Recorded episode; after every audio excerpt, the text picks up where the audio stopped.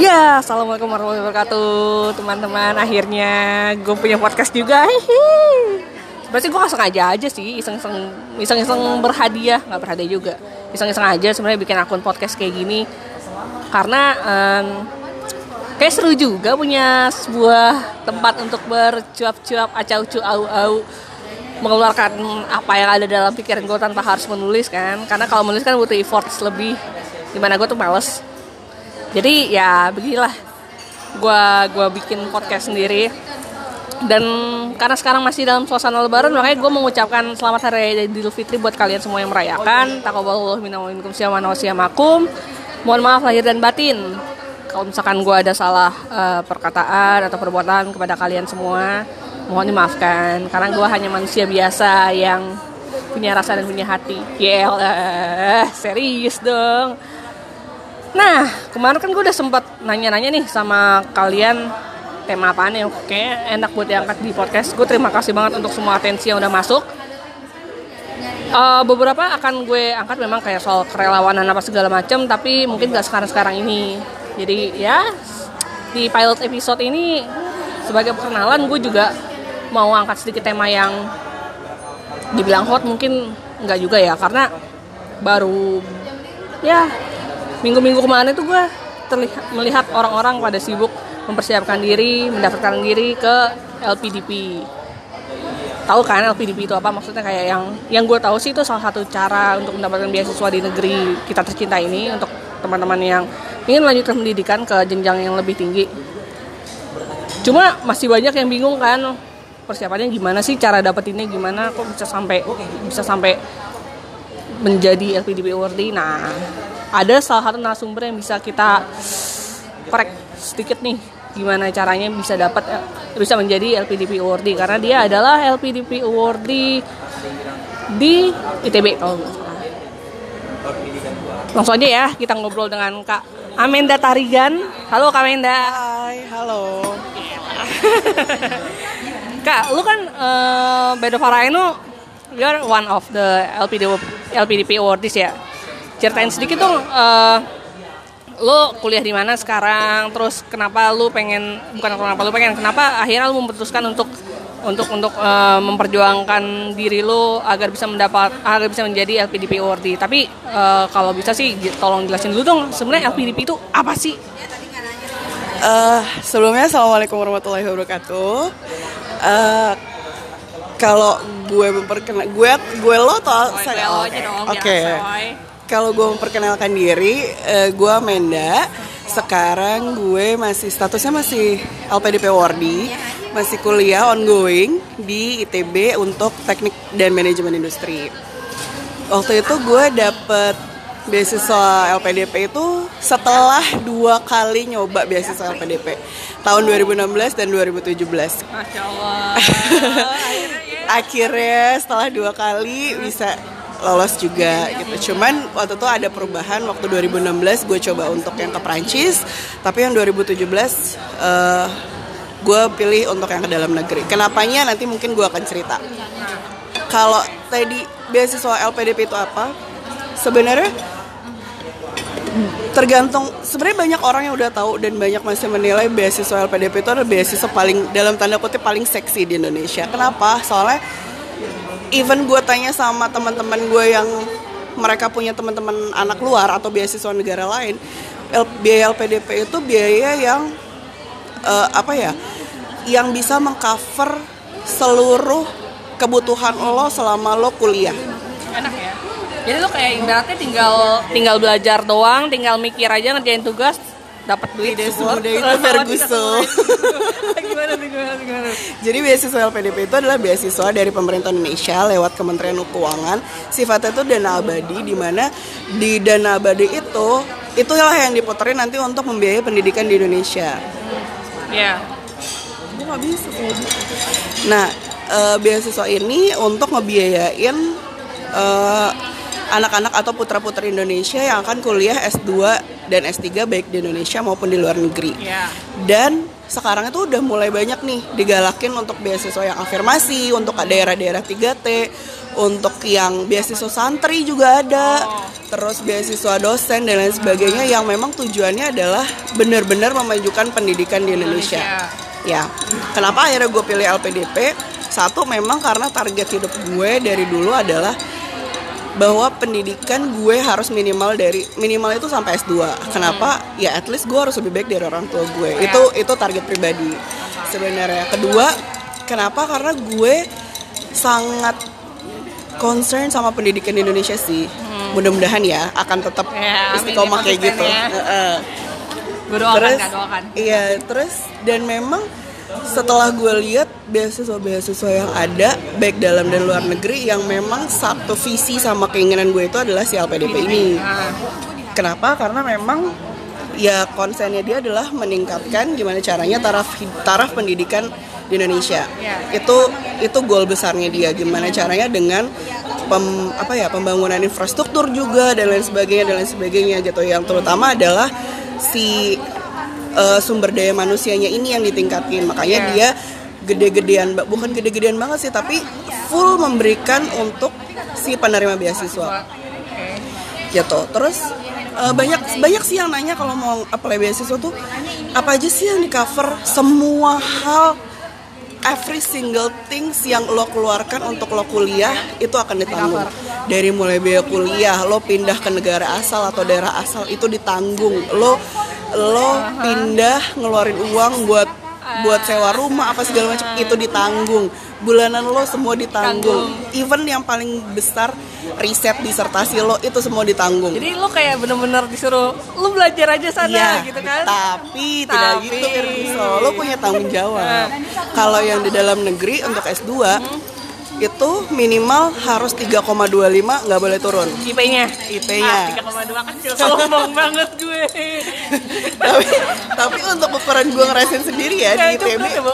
dapet dapet nilai C aja itu udah bagus banget karena sulit sih sebenarnya faktanya Ya iya. tapi ya kan memang masih S1 bro. Iya, tapi memang ada harga ada rupa gitu. Betul, Kita nggak bisa nggak bisa memungkiri itu Iya. sih.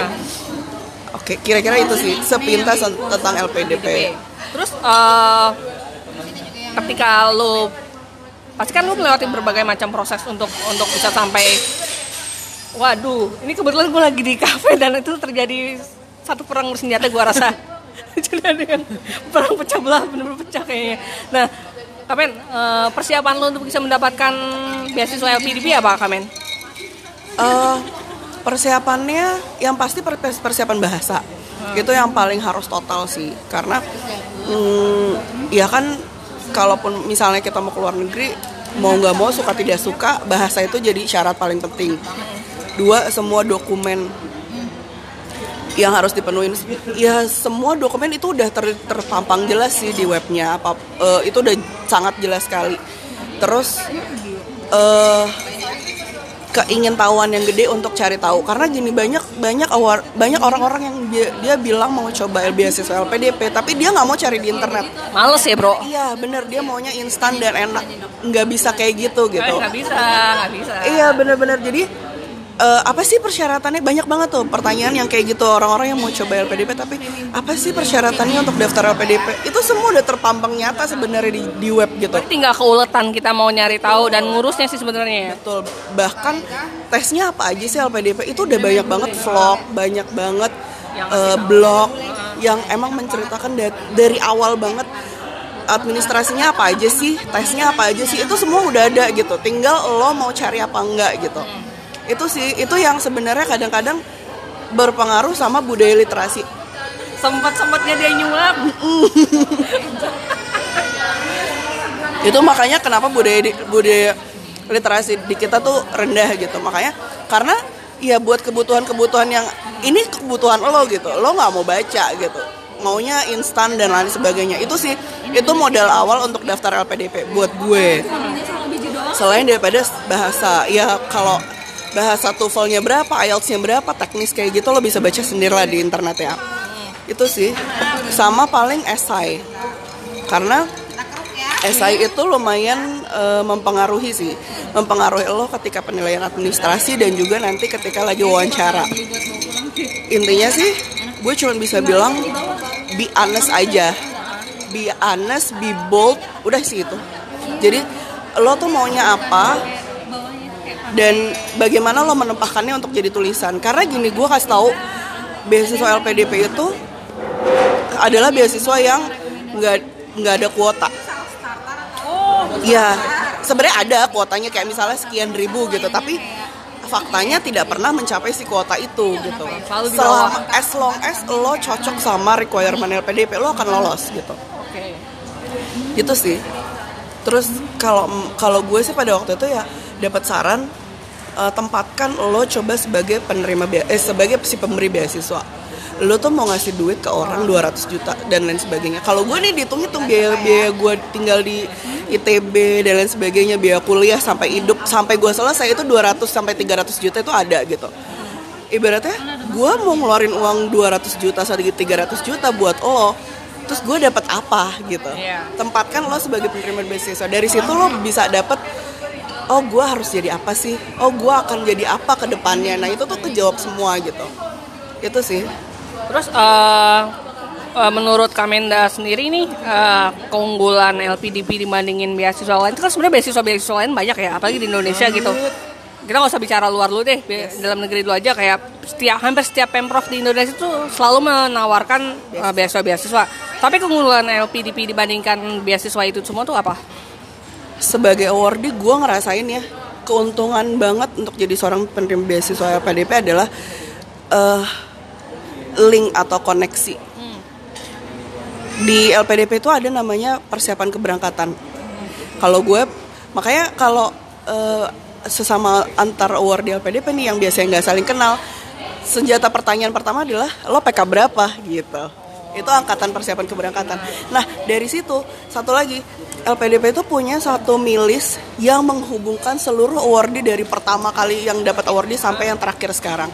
Itu ada lo bisa berbagi informasi di situ, ada lowongan kerja, ada informasi riset, ada apa, apa pun semua dibagikan di situ.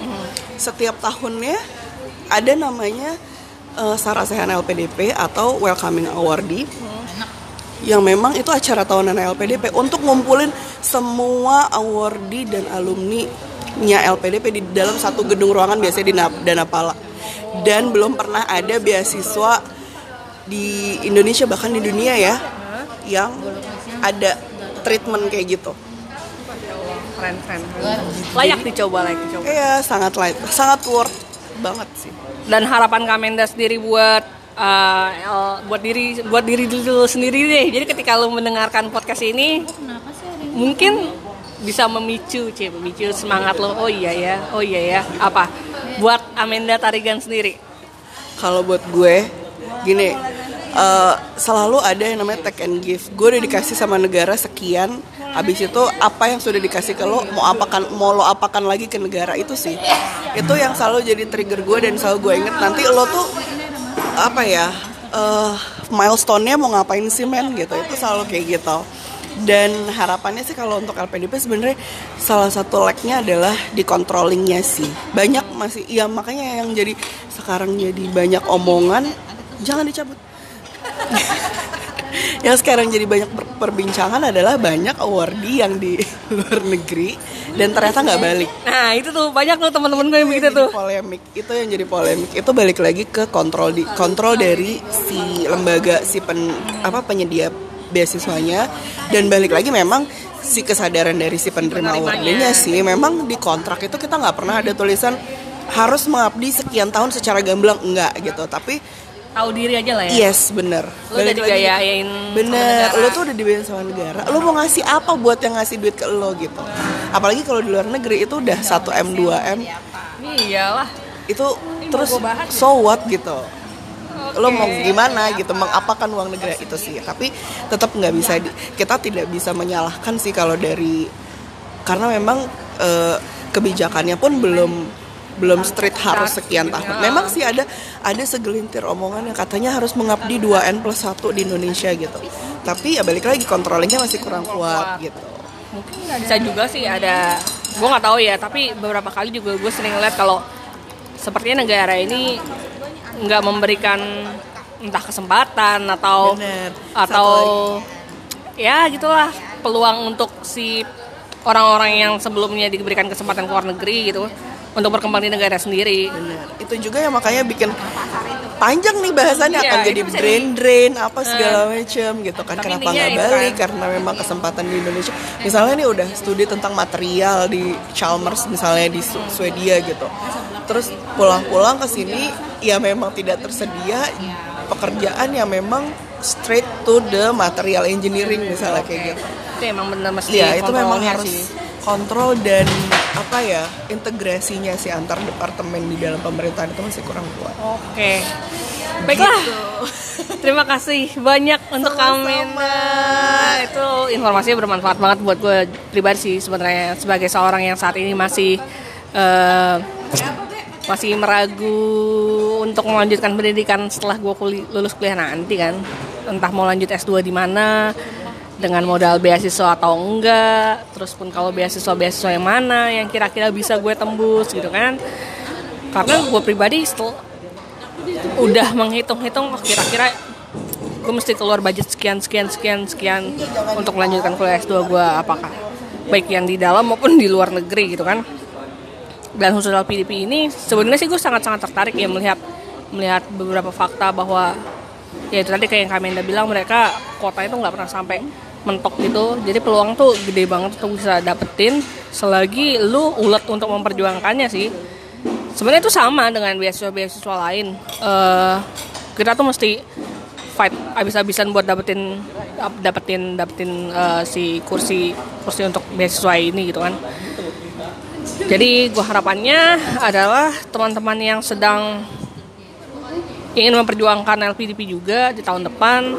Semoga terpicu semangatnya dari informasi yang udah diberikan sama Kamenda tadi. Intinya jangan pernah putus asa sih dan jangan pernah lelah untuk memperjuangkan apa yang kalian rasa benar. Believe in your God believe in yourself. Semangat.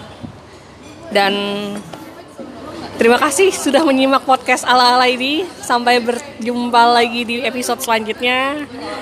Selamat menikmati waktu bersama keluarga dan kerabat terkasih. Wassalamualaikum warahmatullahi wabarakatuh